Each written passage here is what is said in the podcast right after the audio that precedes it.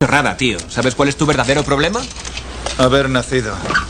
Que deberías cagar o salir del váter. ¿Cagar o salir del váter? Sí, o cagas o sales del váter. ¿De qué coño estás hablando? Hablo de tu problema, de tu incapacidad para mejorar tu situación en la vida. Por Dios. Es cierto, estás ahí tumbado quejándote de las cartas que te han tocado y no aceptas tu parte de responsabilidad en la situación que atraviesas. ¿Qué responsabilidad? Mira, si no aguantas este curro, ni a la gente, ni tener que trabajar en tu día libre, ¿por qué no te largas?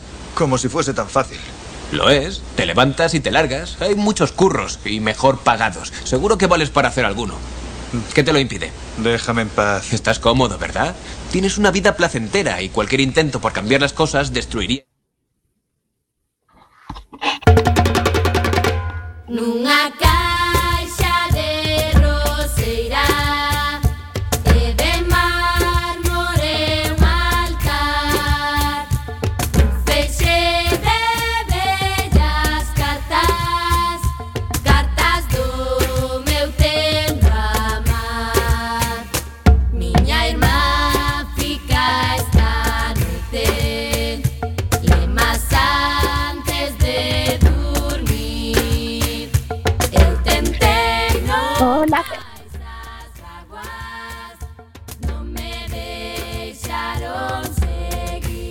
Hola, que tal? Recendeiras e recendeiros Benvidas e benvidos a este espazo radiofónico semanal adicado á cultura que facemos en riguroso directo todos os martes ás 7 da tarde aquí na Cuac FM no 103.4 a Radio Comunitaria da Coruña.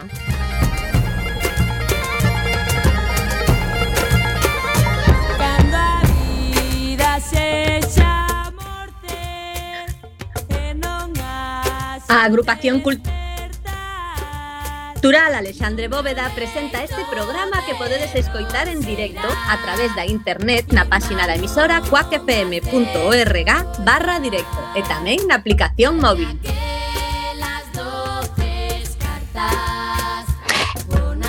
E se non chegaches a tempo, non tendes excusa, compañeiras. Podedes descargar todos os programas xa emitidos Radioco o Mega Podcast da nosa emisora ou tamén podedes escoitalo na repetición, que será os mércores ás 8 da mañá, os venres ás 16 horas e na madrugada do domingo ao luns ás 12 da noite. E a partir de agora, seguirenos na redes sociais tanto deste programa Recendo como da propia agrupación cultural Alexandre Bóveda, que teñen abertas as súas canles en Instagram, Twitter e Facebook, ou na web www.acalexandrebóveda.gal.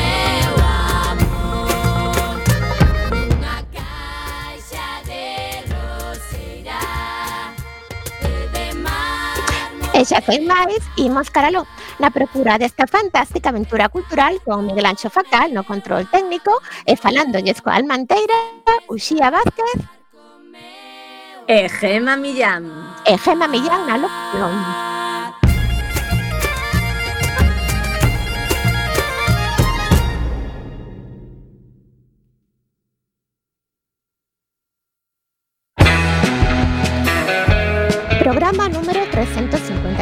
Hoxe contaremos como convidado con Suso de Toro, un dos escritores galegos máis destacados das últimas décadas. Empezas Transporte, Gema. Temos a sección de Medio Ambiente a cargo de Amancio Sotillo. Falaremos tamén das actividades da nosa agrupación e das outras cousas que se fan na Coruña e na Galiza e que tamén son cultura. E imos con música de hoxe que xa se nos está adiantando. A, a música de hoxe de Ataque Escampe, un dos nosos grupos de cabeceira, sacou a finais de 2019 un novo EP titulado A Alma, con 20 minutos moi intensos. A formación cambiou bastante, Entre outras cousas, volveu ao seu cantante titular, Alex Charlón, que falará no último disco. Presentamos a primeira peza de hoxe titulada O que pode un corpo.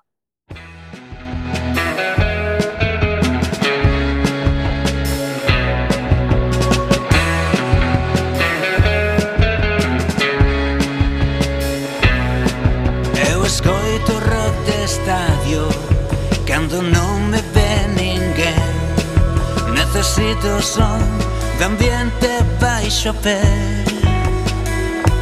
O espinosa de Carballo Chamábame cando empecéi Filosofía por amor Pero xa onde foi?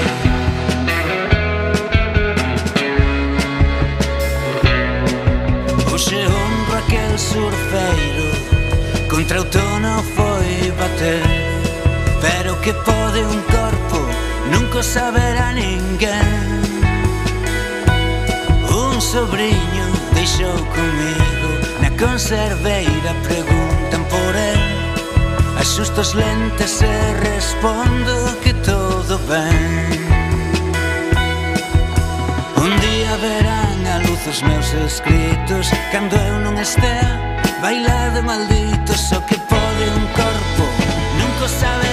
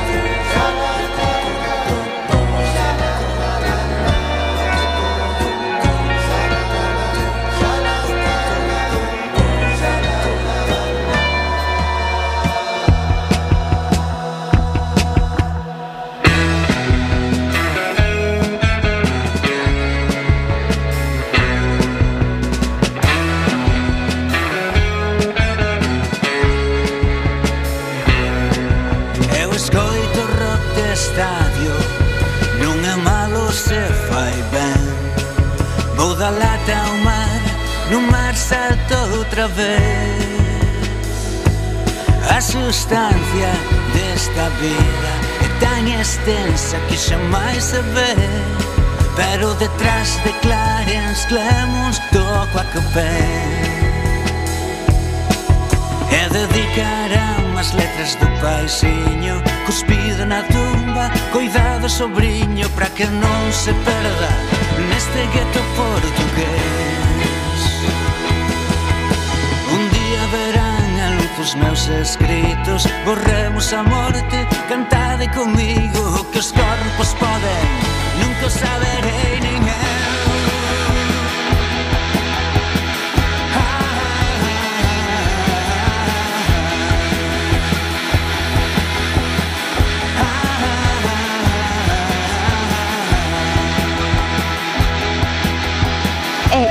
les comentamos ya, Casa Ofenda, la nuestra repasión cultural Alexandra Bóveda.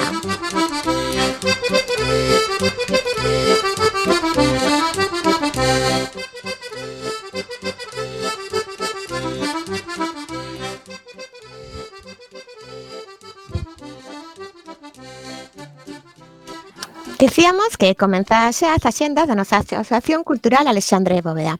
Comenzaron xa os nosos dous clubes de lectura. As prazas son limitadas, así que hai que inscribirse pola web ou polo email. Literatura Universal a cargo de Xoan Que clubes? Costa. Será os mércores ás 18 horas. Quincenais e alternándose co outro. Xa comezou a partir do 14 de outubro. Eh, e tamén temos o Clube de Lectura Feminista coordinado por Cristina Bajo. Tamén será os mércores ás 18 horas, quincenais e alternándose co outro. Xa comenzou o 30 de setembro, pero aínda hai prazas. Tamén poñemos en marcha o programa formativo Volver ás Aulas, que consiste en cinco cursos de formación en diferentes ámbitos. Cada un deles dura tres sesións en horario de 19.45 a 21 horas. Todos eles son gratuitos, mais compre inscribirse. Temos o programa Pórtico con Carmela Galego, historiadora de arte e divulgadora. O programa divulgativo Pórtico busca unha abordaxe completa dunha das maiores xoias do noso historia da arte, o Pórtico da Gloria. Introducción a astronomía con Martín Pauli da agrupación astronómica coruñesa IO. Mellorando o uso da lingua con Xosé Manuel Sánchez Rey, profesor da UDC. Que debes saber de feminismo? Con Cristina Bajo, socióloga. E fake news, coñecelas e combatelas con Jorge Castro, bibliotecario e comunicador. O Benres 16, presentación do libro Xosé Seibane, A gaita con mayúscula, de Xosé Manuel Sánchez Rey, publicado por Editorial Canela. No acto intervirán, ademais do autor, Álvaro Seibane Magide, Xosé Manuel Seibane Magide e Pablo Quintana López. Debido ás limitacións do aforo, é necesario inscribirse a través dun formulario na web.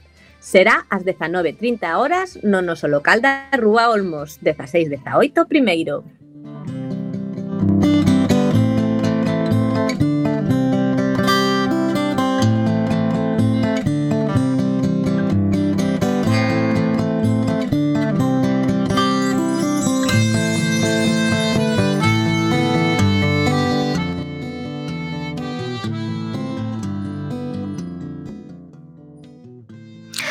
Imos agora coa xenda da Coruña.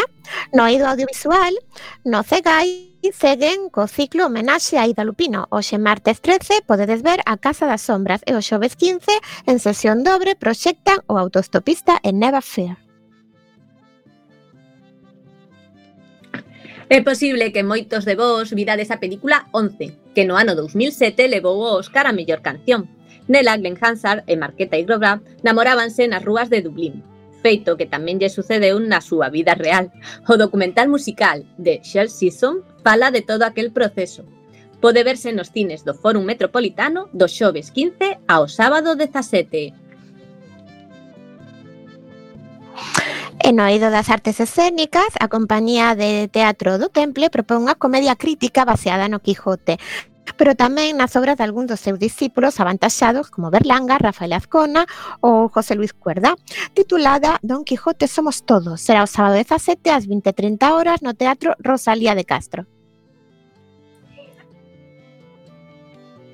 Sesión Continua propón un percorrido en clave de comedia polos grandes éxitos cinematográficos como 2001, Unha odisea no espazo, O resplandor, Pulp Fiction, Febre do sábado noite, Instinto básico ou Psicose, entre outros. Dirixida polo noso amigo Lino Braxe e con Sabela Hermida, Pedro Picos e Xosé Bonome, actuando. Podedes vela o sábado 17 ás 19.30 horas no Fórum Metropolitano.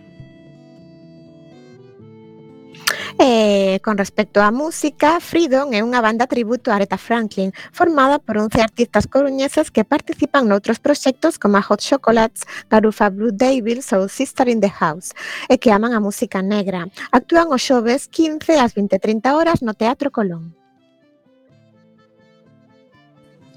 Viva o Belcanto é unha gala lírica na que a Orquesta Sinfónica de Galicia acompañará a aclamada soprano británica Jessica Pratt E non menos recoñecido, tenor vasco Xavier Anduaga. Poderedes escoitalos o venres 16 ás 20 horas no Teatro Colón. E os punsetes volven dar caña coa súa xera Aniquilación para celebrar a saída do seu sexto álbum de estudio. Actúan o venres 16 ás 20.30 horas na Sala Garufa.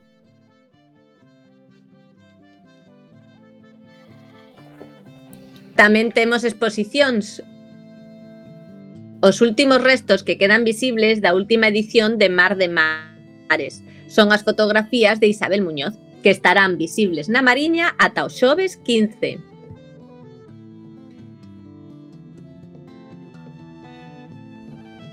Ferrados de Letras, sabedes que a veciñanza do barrio de Agrador Zan gustalle celebrar as letras galegas. Este ano non pola presentación da banda deseñada Ricardo Ricardo Carballo Calero, Corazón de Terra, coa presenza, entre outros, de Manuel Cráneo e Xavier Alcalá. A continuación, haberá recital e actuación de César Morán. Será o Benres 16 ás 19 horas no Centro Agora.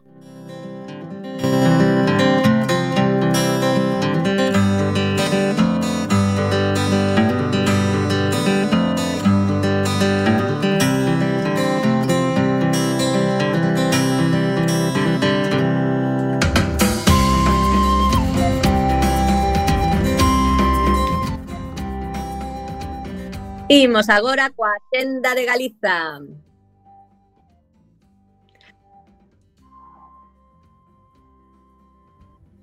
e a Xenda de Galiza a empezamos por Ferrol. La Buena Nueva está formada por cinco consolidados músicos que forman ou formaron parte de outros conxuntos musicais como os Ostrue desenvolverse sobre as bases de distintos ritmos, estilos e disciplinas da música latina. Actúan o sábado 17 ás 22 horas na Sala Ruido.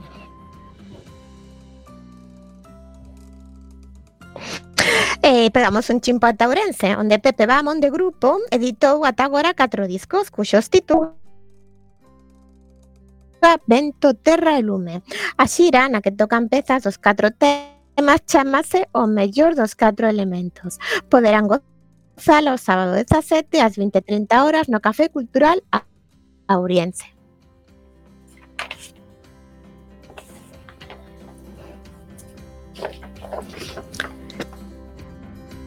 En Vigo, Pancho Barona volve coa súa xira Ruta 52, un repaso a toda a súa carreira artística de 37 anos xunto a Joaquín Sabina, e máis de 100 cancións compostas con el, aínda que tamén traballou con outros artistas como Serrat, Luz Casal, Ana Belén ou Miguel Ríos. Actúa o Benres 9 ás 21 horas no Teatro Cine dos Salesianos.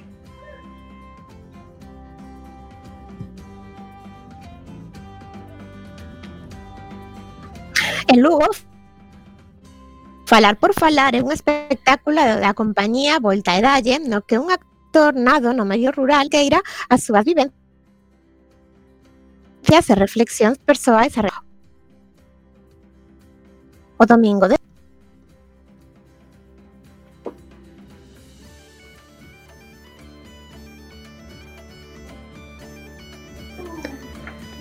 Parece que non escoitamos ben a Gemma hoxe, pero imos para Pontevedra, sen facer moito ruido, pero de maneira inequivocablemente audaz, L, nome artístico da cantante e pianista, madrileña Elena Iturrieta, terminou revelándose como unha das voces máis exquisitas e delicadas do novo panorama español. Sorprendeunos hai tres anos con Summer Rain e agora edita o seu segundo disco titulado What Night Sights. Será o sábado 17 ás 12.30 horas nas matinés do Teatro Principal.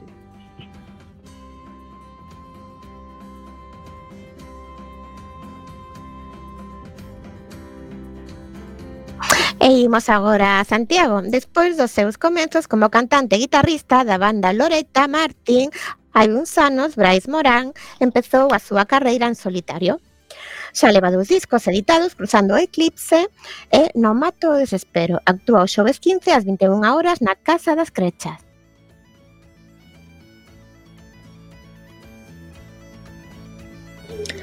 E remate Atamos esta vez en Melide. A noite deste venres 16 vai ser ben movida.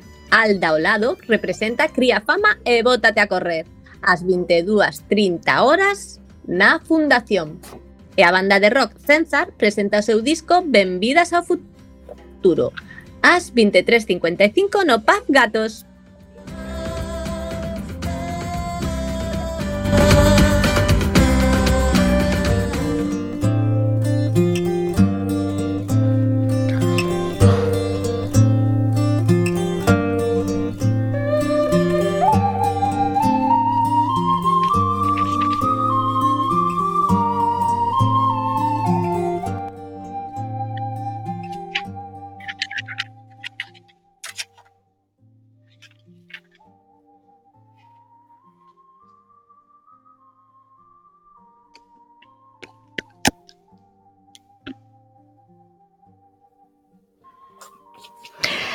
se dixese que si, que todo está moi ben, que o mundo está moi bon, que cada quen e cada quen, conformidade, admiración, caución, se dixese que acaso as cousas son así, porque sí, vela aí, e non lle deamos voltas. Se aquel está en riba e aquel outro debaixo é por culpa da vida. Se algúns van de porta en porta cun saco de cinza ás costas, é porque son uns docas. Se dixese que sí, entón sería o intre de falar seriamente de batalla de flores nas festas do patrón.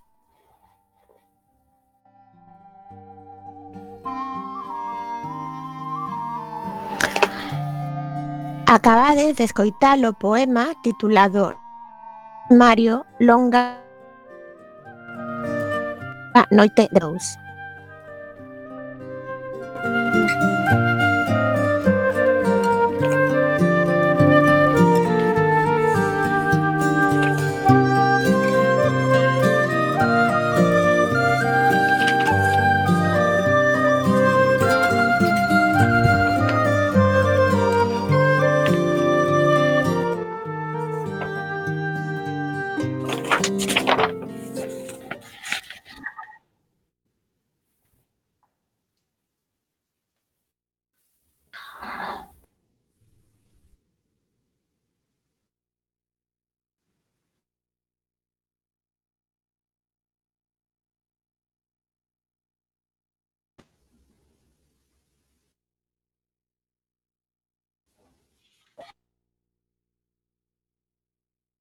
tan populares como Calzados Lola, Ambulancia, Polaroid, Home sen nome ou 13 balas. Premio Nacional de Narrativa. Moitos, despois de escoitar todos estes títulos, xa sabedes que falamos de Suso de Toro. Hai de profesor de lingua. Afortunadamente para nós, Suso de Toro seguiu publicando publicando sendo a súa última novela Fora de sí, publicada en 2018. Máis recente dura, que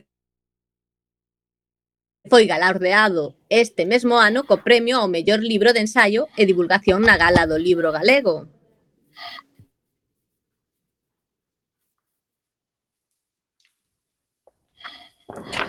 Eu coa súa opinión política, o seu activismo non se limita ás redes sociais, pois voltou a ser candidato ás eleccións na lista do BNG. Esta volta ao mundo da política é motivada pola ausencia dunha voz propia para Galiza na política nacional. As súas inquedanzas políticas van máis aló da nosa terra. Proba disto é o seu apoio aos presos do proceso ou a súa inquedanza por buscar unha nova idea de España nunha indagación na que xa deixou proba no 2004 coa publicación do ensaio Españoles Todos. Aínda que poderíamos estar toda tarde aportando datos sobre o uso de toro, o mellor é saudalo e comenzar a falar con el. Nesta tarde tan accidentada. Moi boa tarde, Suso.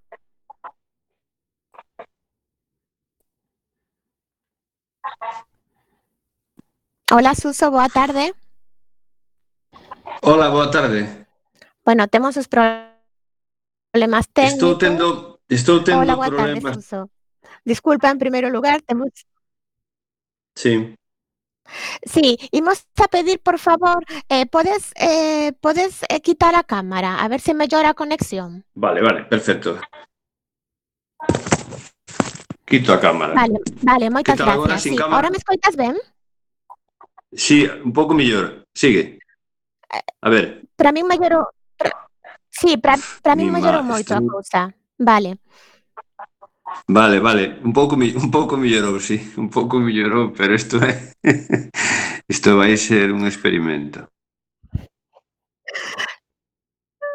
Sí, esta é unha adaptación das circunstancias. Sinto moito, pedimos disculpas, é a primeira vez que nos pasa con esta plataforma, pero a vida é así. Levamos adaptando as circunstancias no, este ano 2020 moitas veces. Bueno, en primeiro lugar, moitas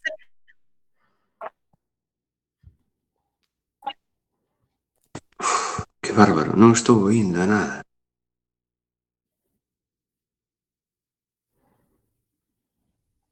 Gema, Uxía, non estou oindo nada. Cortouse, eu non sei que pasa. Hola. Sí, Suso. Sí. Sí, non, a ver. Escoitámoste, non te preocupes. a ver, a ver, isto vai ser Isto a ver, nos escoitámoste eh, un, en programa, un pouco caótico. Interferencias, eh, Dios mío. Nos escoitámoste... Eh, a ver, sí. Vos escoitades ben? Eh, nos, escoi nos escoitámoste... Nos escoitámoste todo, sí, pensamos que pola FM tamén están saindo. Entonces vamos a, bueno, dicir preguntas a de, de arranxar isto, porque nos, xa, xa... nos a ti escoitamoste perfectamente.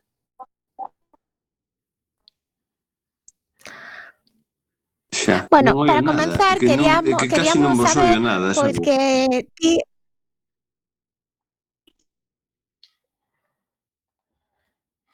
Pois pues nada. Fatal. Vale, Suso, parece que Gema tivo algún problema, que está fora, sí. vou facerche as preguntas en principio. A ver, a ver, agora. Na, pre na no. presentación, fai dez anos, Agora, sí, fai 10 anos decidiches eh, retirarte como escritor profesional. Sí. Eh, por que tomaches esta decisión? Ben. A ver, este é un tema complexo, pero en conxunto resume agora oí unha pregunta creo que prácticamente enteira. Así que, buf, estamos mellorando moitísimo. Ben, a, a, a miña resposta ten que ser sintética, non a eso. Nunca é unha, casi nunca é unha cousa só, un aspecto só. Eh, pero basicamente todo eh, resúmese en que o modelo de escritor que tiña non puido verificarse. É dicir, eu plantexei xa desde os anos 80 pretendín eh, unha normalidade sabendo que partía de condicións de anormalidade, de que no meu país un escritor non pode ter unha relación normal coa sociedade, coa súa sociedade, nin tampouco co seu tempo, polas dificultades que significa... Estades me escoitando ou non? por curiosidade, para saber. Perfectamente, perfectamente, perfectamente. perfectamente. Oye, sí, sí, sí, en serio, sí. Pois pues logo sigo. Bueno, pois pues a ver. sigue, sigue. É que este é un diálogo fantasmal. Bueno, vamos allá. Allá, let's go, veña. Ben, pois... Eh, eu pretendía iso xa desde sempre, desde os anos 80.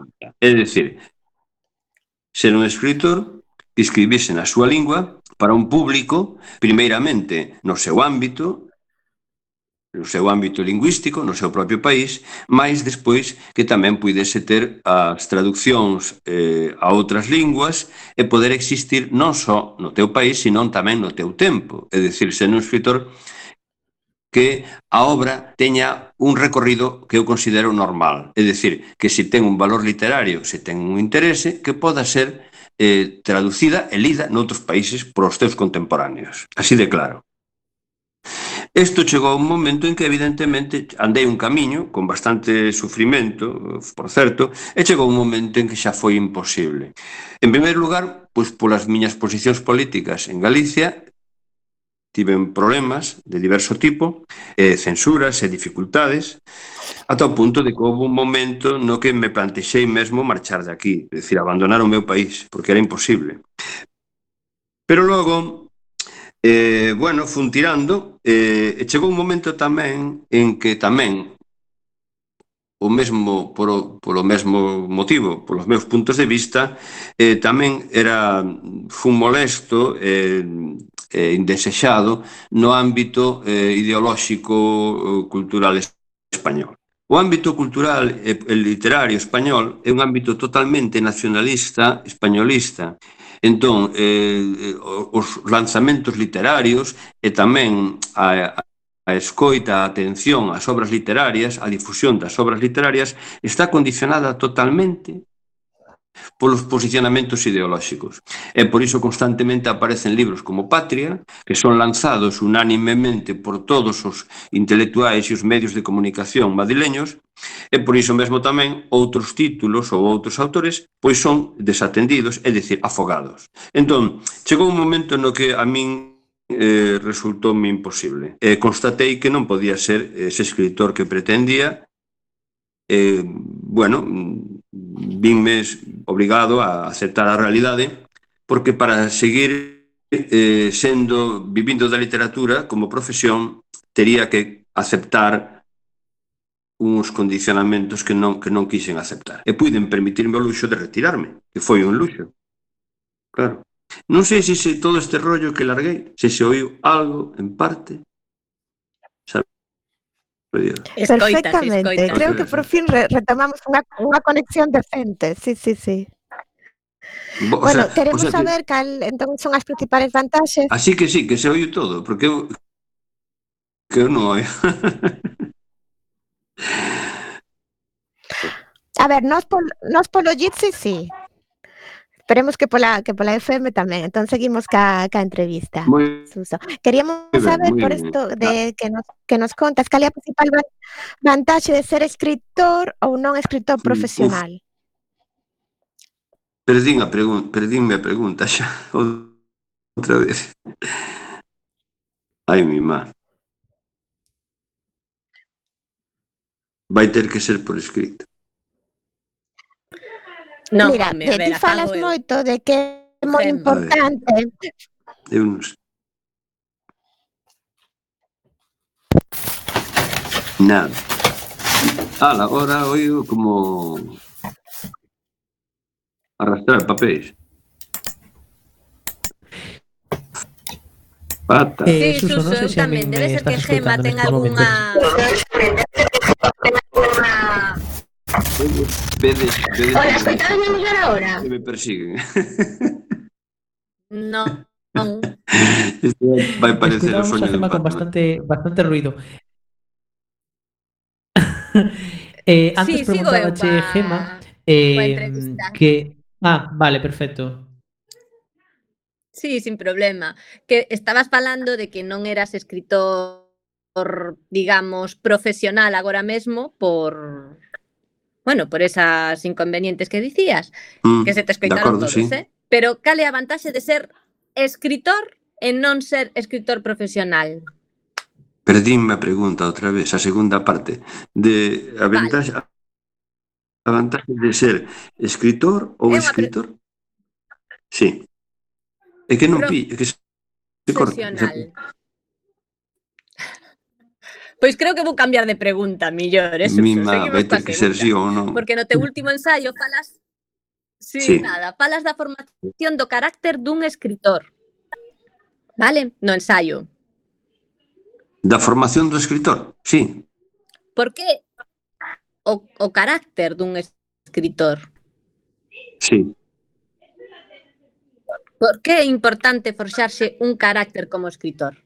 Forxar o carácter, será? Eso. Non sí. sei. É que teño que intuir Porque a pregunta. É importante... Eso é...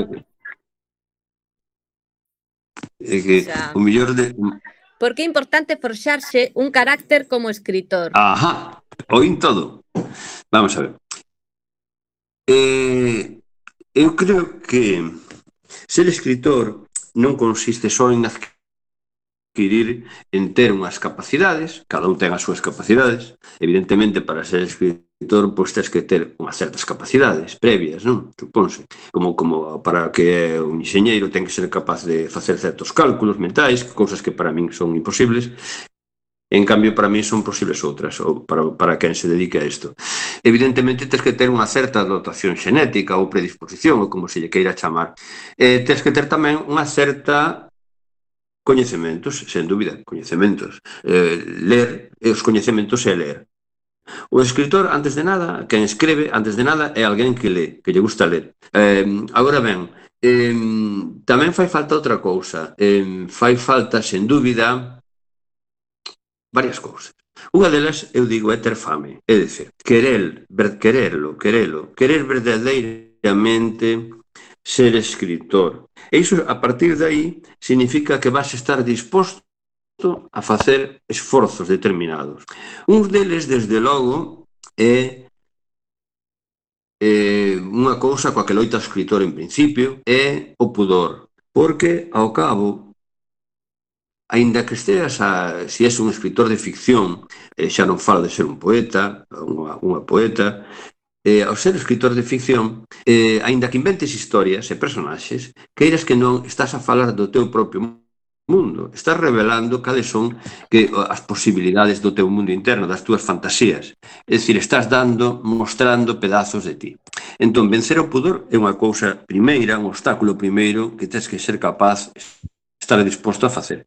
Pero tamén tens que ter coraxe precisamente para ser capaz de mm, de, de atrever este a, a mostrar iso ao mundo. E logo tens que ser, ter capacidade de encaixar, de encaixar golpes, e de encaixar golpes, de ser autocrítico tamén, ser duro contigo mesmo, porque o escritor é normalmente alguén, unha persoa crítica ou hipercrítica, pero ten que empezar por selo consigo mesmo. E ao mesmo tamén, ao mesmo tempo tamén, non só ser hipercrítico, sino tamén confiar en ti mesmo, que é unha cousa paradóxica. Tes que duvidar, ser humilde e duvidar do que faz, pero tes que ter tamén unha certa autoconfianza. En fin, é complicado. O escritor ten que ser alguén eh, que, Por iso digo que hai que ten que forxarse non só técnicamente, non só nos coñecementos, sino tamén efectivamente no carácter. Isto é unha aventura. Eh, corres riscos.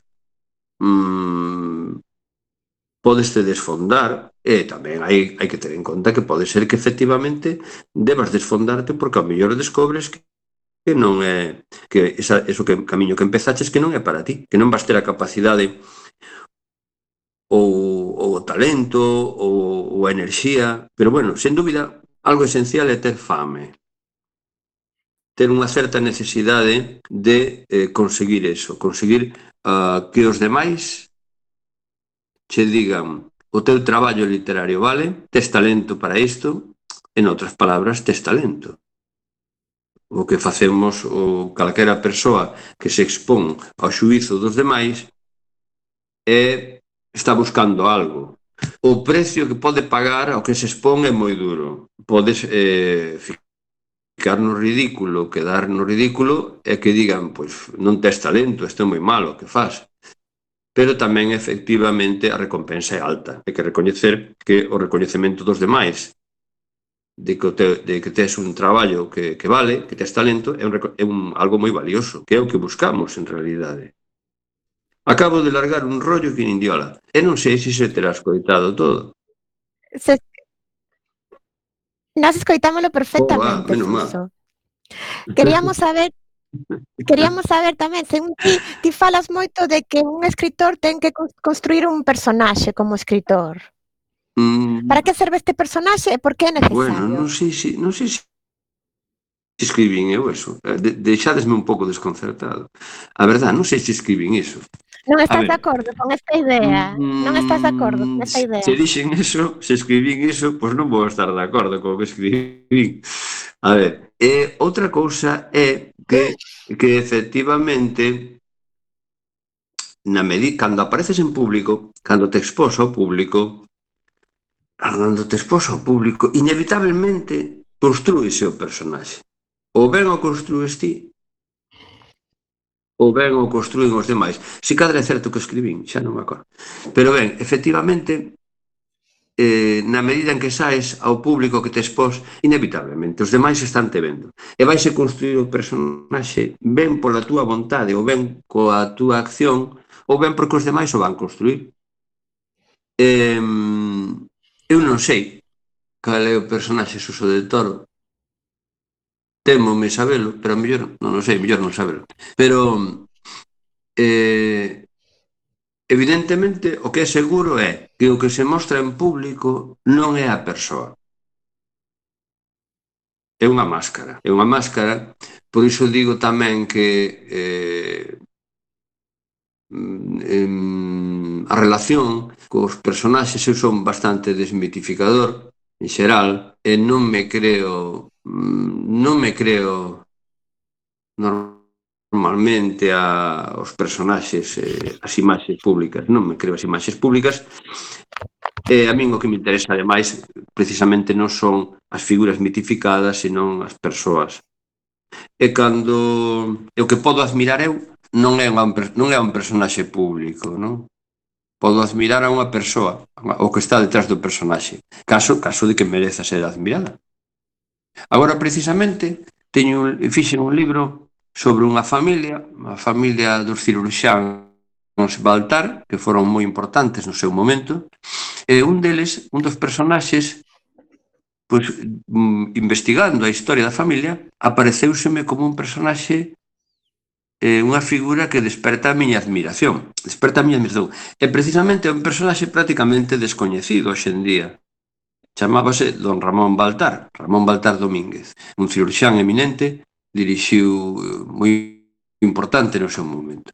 Eh, e, sin embargo, este home non era unha figura prácticamente... No seu momento era unha certa figura pública, como médico, como cirurxán. Pero, en cambio, eu estou descubrindo agora outros aspectos da súa personalidade que van ser mm, vai ser unha sorpresa e que mm, para min interesanme precisamente porque era o que estaba oculto e, e son aspectos da súa personalidade que despertanme admiración. O cal non quere decir que sexa unha persoa mellor que outras, porque a mellor non o é. Se cada non era máis bo, se cada non era mellor pai, ou mellor compañeiro, ou mellor o que fose, pero desde logo hai rasgos da súa personalidade que me admiran. E un, algúns deles como que a mellor, a mellor non son rasgos que están moi de moda, pero é a valentía, e incluso o coraxe, é a valentía. Eh, un, un, un sobrinho, medio sobrinho del, nesta, no, no curso do, da escrita do libro, fixe moitas entrevistas, e un, e un díxome, Ramón Baltar hacía lo que le daba la gana. E a mí, a mí fíxame moita gracia porque estaba se referindo a posguerra, a posguerra e ao franquismo máis duro. E efectivamente eh, ese home fixo o que lle daba a gana. E a min eso, queiras que non, admírame. Bueno, perdón, fun a polos ceros de dúbida, estábamos a falar... No, no. A valentía nunca pasa de moda, Suso, nunca. Mira, eh, deixando aparte a personaxe do escritor, como foi a túa volta sí. ao ensino, a túa volta ás aulas? Pois foi moi duro. Foi moi duro. Realmente foi duro. Eh, hai que dicilo, porque foi a verdade. A ver, a ver, eu estaba feito, a vida dun escritor, da vida profesional dun escritor, eh, tiña unha dimensión eh, de, de, de presunción social de e tamén de que cando viaxas a un lugar es acollido con moita deferencia, trátaseche como, un, como unha figura, eh, es hospedado moi ben, moi ben acollido, ben tratado, preséntante como unha personalidade importante, esas cousas. Entón, son unha serie, non de gratificacións, pero é algo que se dá por suposto. E logo, de repente, cando te decides cambiar de vida, cortas como digo, falo, digo os toureiros, cortas a coleta, eh, eh, dis, deixo de ser eso e, eh, e eh, vou ser un, unha persoa distinta, un particular cunha profesión distinta, e en concreto entras nunha aula cun grupo de adolescentes, pois empezas a ser un profesor, tes en primeiro lugar, despois de 16 anos fora dunha profesión que xercera, a profesión cambiara, eh, tes que reciclarte, tes que empezar de cero, pois foi unha cura de humildade moi forte. Non sei se foi cura, pero que sí que foi mm, mm, unha experiencia dura, e foi no. Non sei se me tiña que curar de algunha a, orgullo ou o que fose, pero nese sentido non sei se foi cura. A mellor precisaba ou non, non, non sei. Pero desde logo que foi duro, eh? psicolóxicamente foi duro. Eh, Ten que ser. Pero bueno, foi unha experiencia interesante. E en todo caso, en todo caso fíxeno porque quixen, ninguén, ninguén me obligou, podía ter seguido. O que pasa que non me interesaba seguir nas condicións en que, me, en que se me plantexaban as cousas, eh, porque ao final tería que un pouco abdicar bastante da miña liberdade como, como autor, como escritor, eh, que de algún modo orientábaseme a que tipo de literatura esperaban de min para, que, para comprarme un libro que lles interesase aos editores. Entón chegaba un momento en que se non podes escribir o que queres en cada momento, pois xa non era xa non era tampouco a vida que de escritor que quería eu. Eh, pero sí que foi duro, eh? Foi duro, pero bueno, fun libre, escollín, puiden escoller, tuve a fortuna de poder escoller, escollín e ao cabo eh, fun dono da miña vida. E se me deixase quedar, empezase a publicar e a escribir as cousas que esperaban de min, e se empezase a opinar nos medios onde me permitían opinar, as opinións, o que se esperaba, o que querían que dixese, pois eh, tería perdido a miña vida. Tería perdi, teríame perdido como escritor e teríame perdido como persoa, como cidadán. Pagou a pena. E, e aquí tamén estamos xa lindando coa política. Sí. En realidade, ti tiveches, volveches a ser candidato tamén agora. Tiveronche que convencer ou foi unha decisión clara? Perdón, o que? O de? Que me perdín aí un pedaciño. O, o de volver a ser candidato políticamente. Ah, xa. Falando. Sí, a ver. Eh, no meu caso, a ver. Eu creo, en abstracto, que a cidadanía eh, ten que estar atenta ten, ten que estar atenta á vida pública, á cousa pública, e que é necesario apoiar as opcións eh, estratégicas que, que son boas para, que son para o conxunto da sociedade e para os sectores sociais máis desfavorecidos, en fin, que debes defender as túas ideas e respaldar a quen aos partidos, ás organizacións, sindicatos e demais organizacións, o que sexa, que expresa esas posicións, esas ideas, eses valores.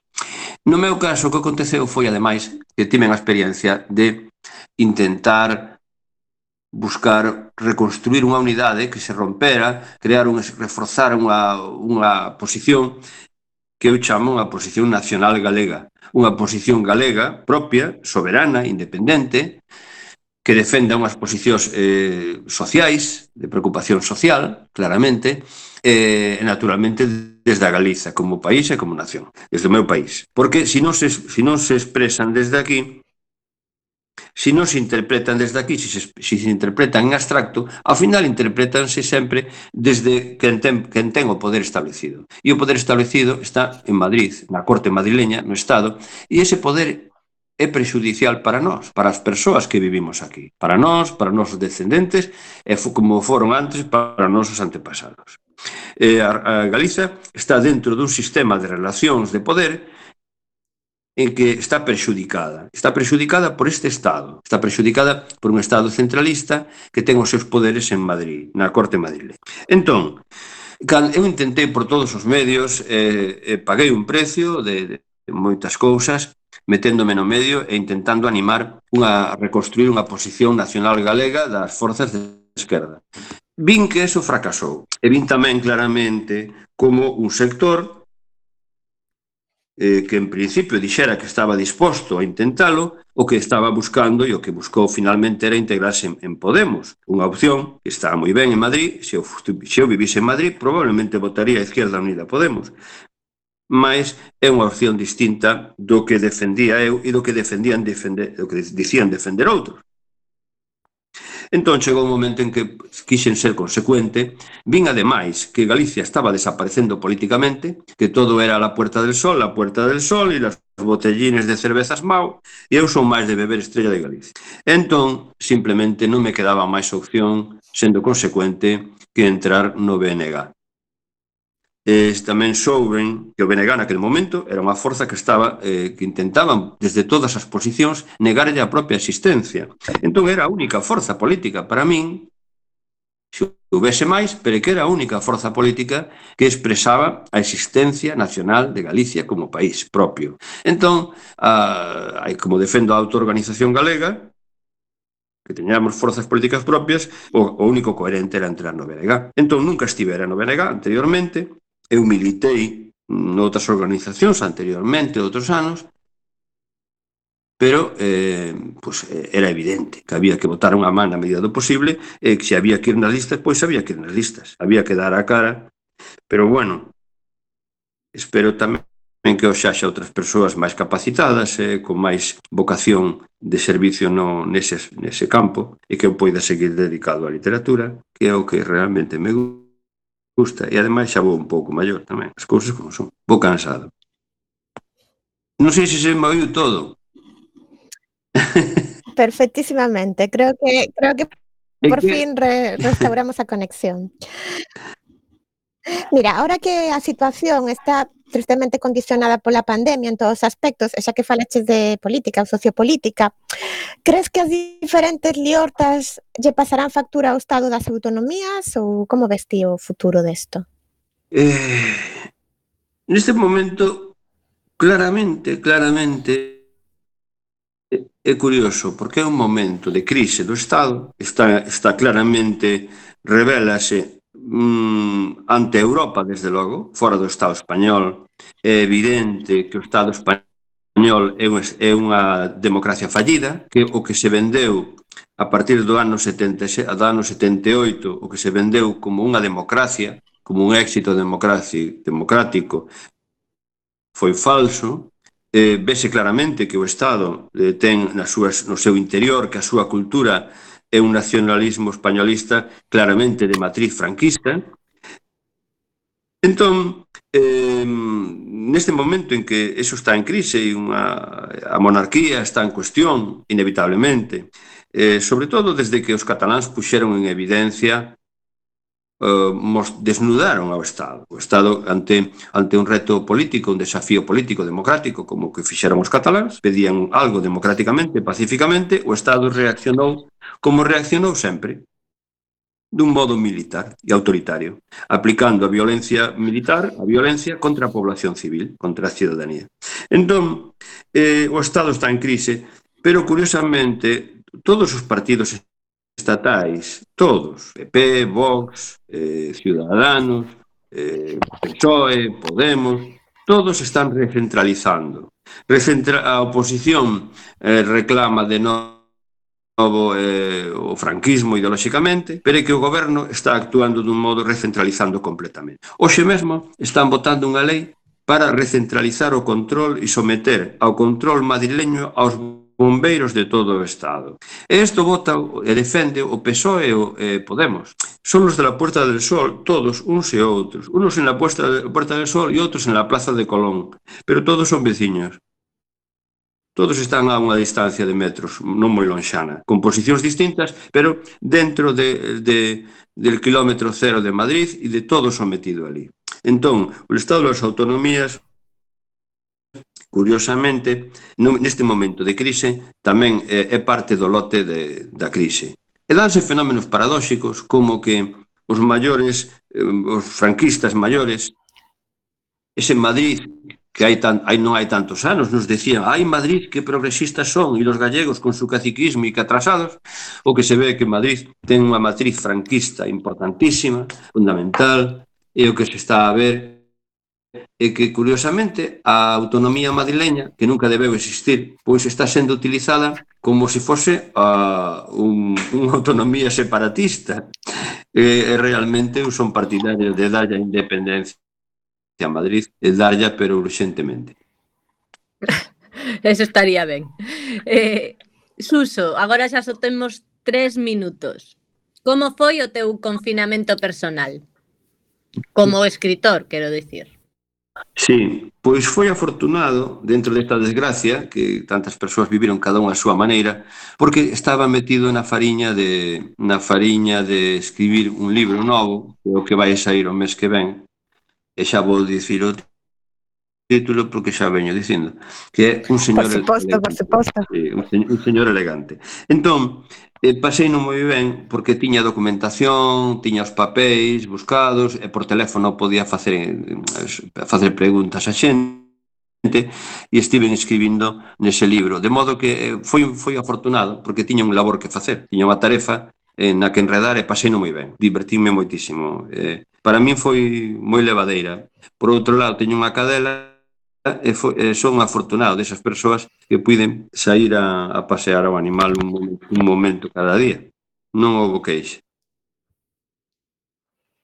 Bueno, Suso, nós fomos afortunados por terte aquí nesta entrevista tan absolutamente accidentada en toda a nosa historia de programa de recendo, así que nada, moitas disculpas primeiro, eh, para rematar, se si queres decir un último minuto algo á audiencia. Nada, que estaba moi... Estaba Ah, moi ben esta entrevista fantasmal, pero foi máis ben que xogar tenis foi xogar ao frontón. Porque o frontón é un xogo moi divertido, moi bonito. O que pasa é que o frontón é eso, xogan, xogas contra un muro. e ás veces no frontón mesmo pode xogar unha persoa soa, coa pelota e unha parede. Esta entrevista foi algo de tivo algo de frontón, porque a mitade das cousas non vos las oía ben. non sei se que Traemos en martes e 13 tivo algo que ver, pero bueno, foi o que foi. Foi o que foi. Eh, moitísimas gracias pola túa paciencia, sobre todo. Está ben ese título, foi o que foi. Moi ben. saúde para todos e para todas. Moita saúde, moita saúde tamén. Eh, sen tempo para máis odiseas, imos chegando a fin do camiño deste recendo.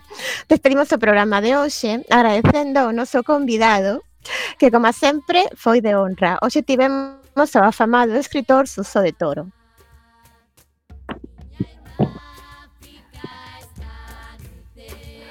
E agradecendo a semente, a pedra angular de todo, tamén O noso comando e equipo de produción formado por Javier Pereira, Gema Millán e Roberto Catoira.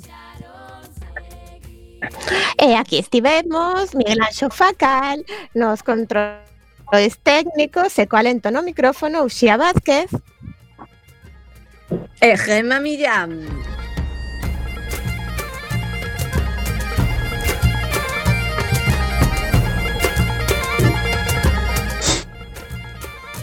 acompañándote neste recendo de palabras e de imaxes radiofónicas que nos traen este aroma cantado na nosa lingua e que nos permite hoxe tamén no futuro a permanencia da palabra, da música e da implicación e o compromiso coa nosa nación, a Galiza.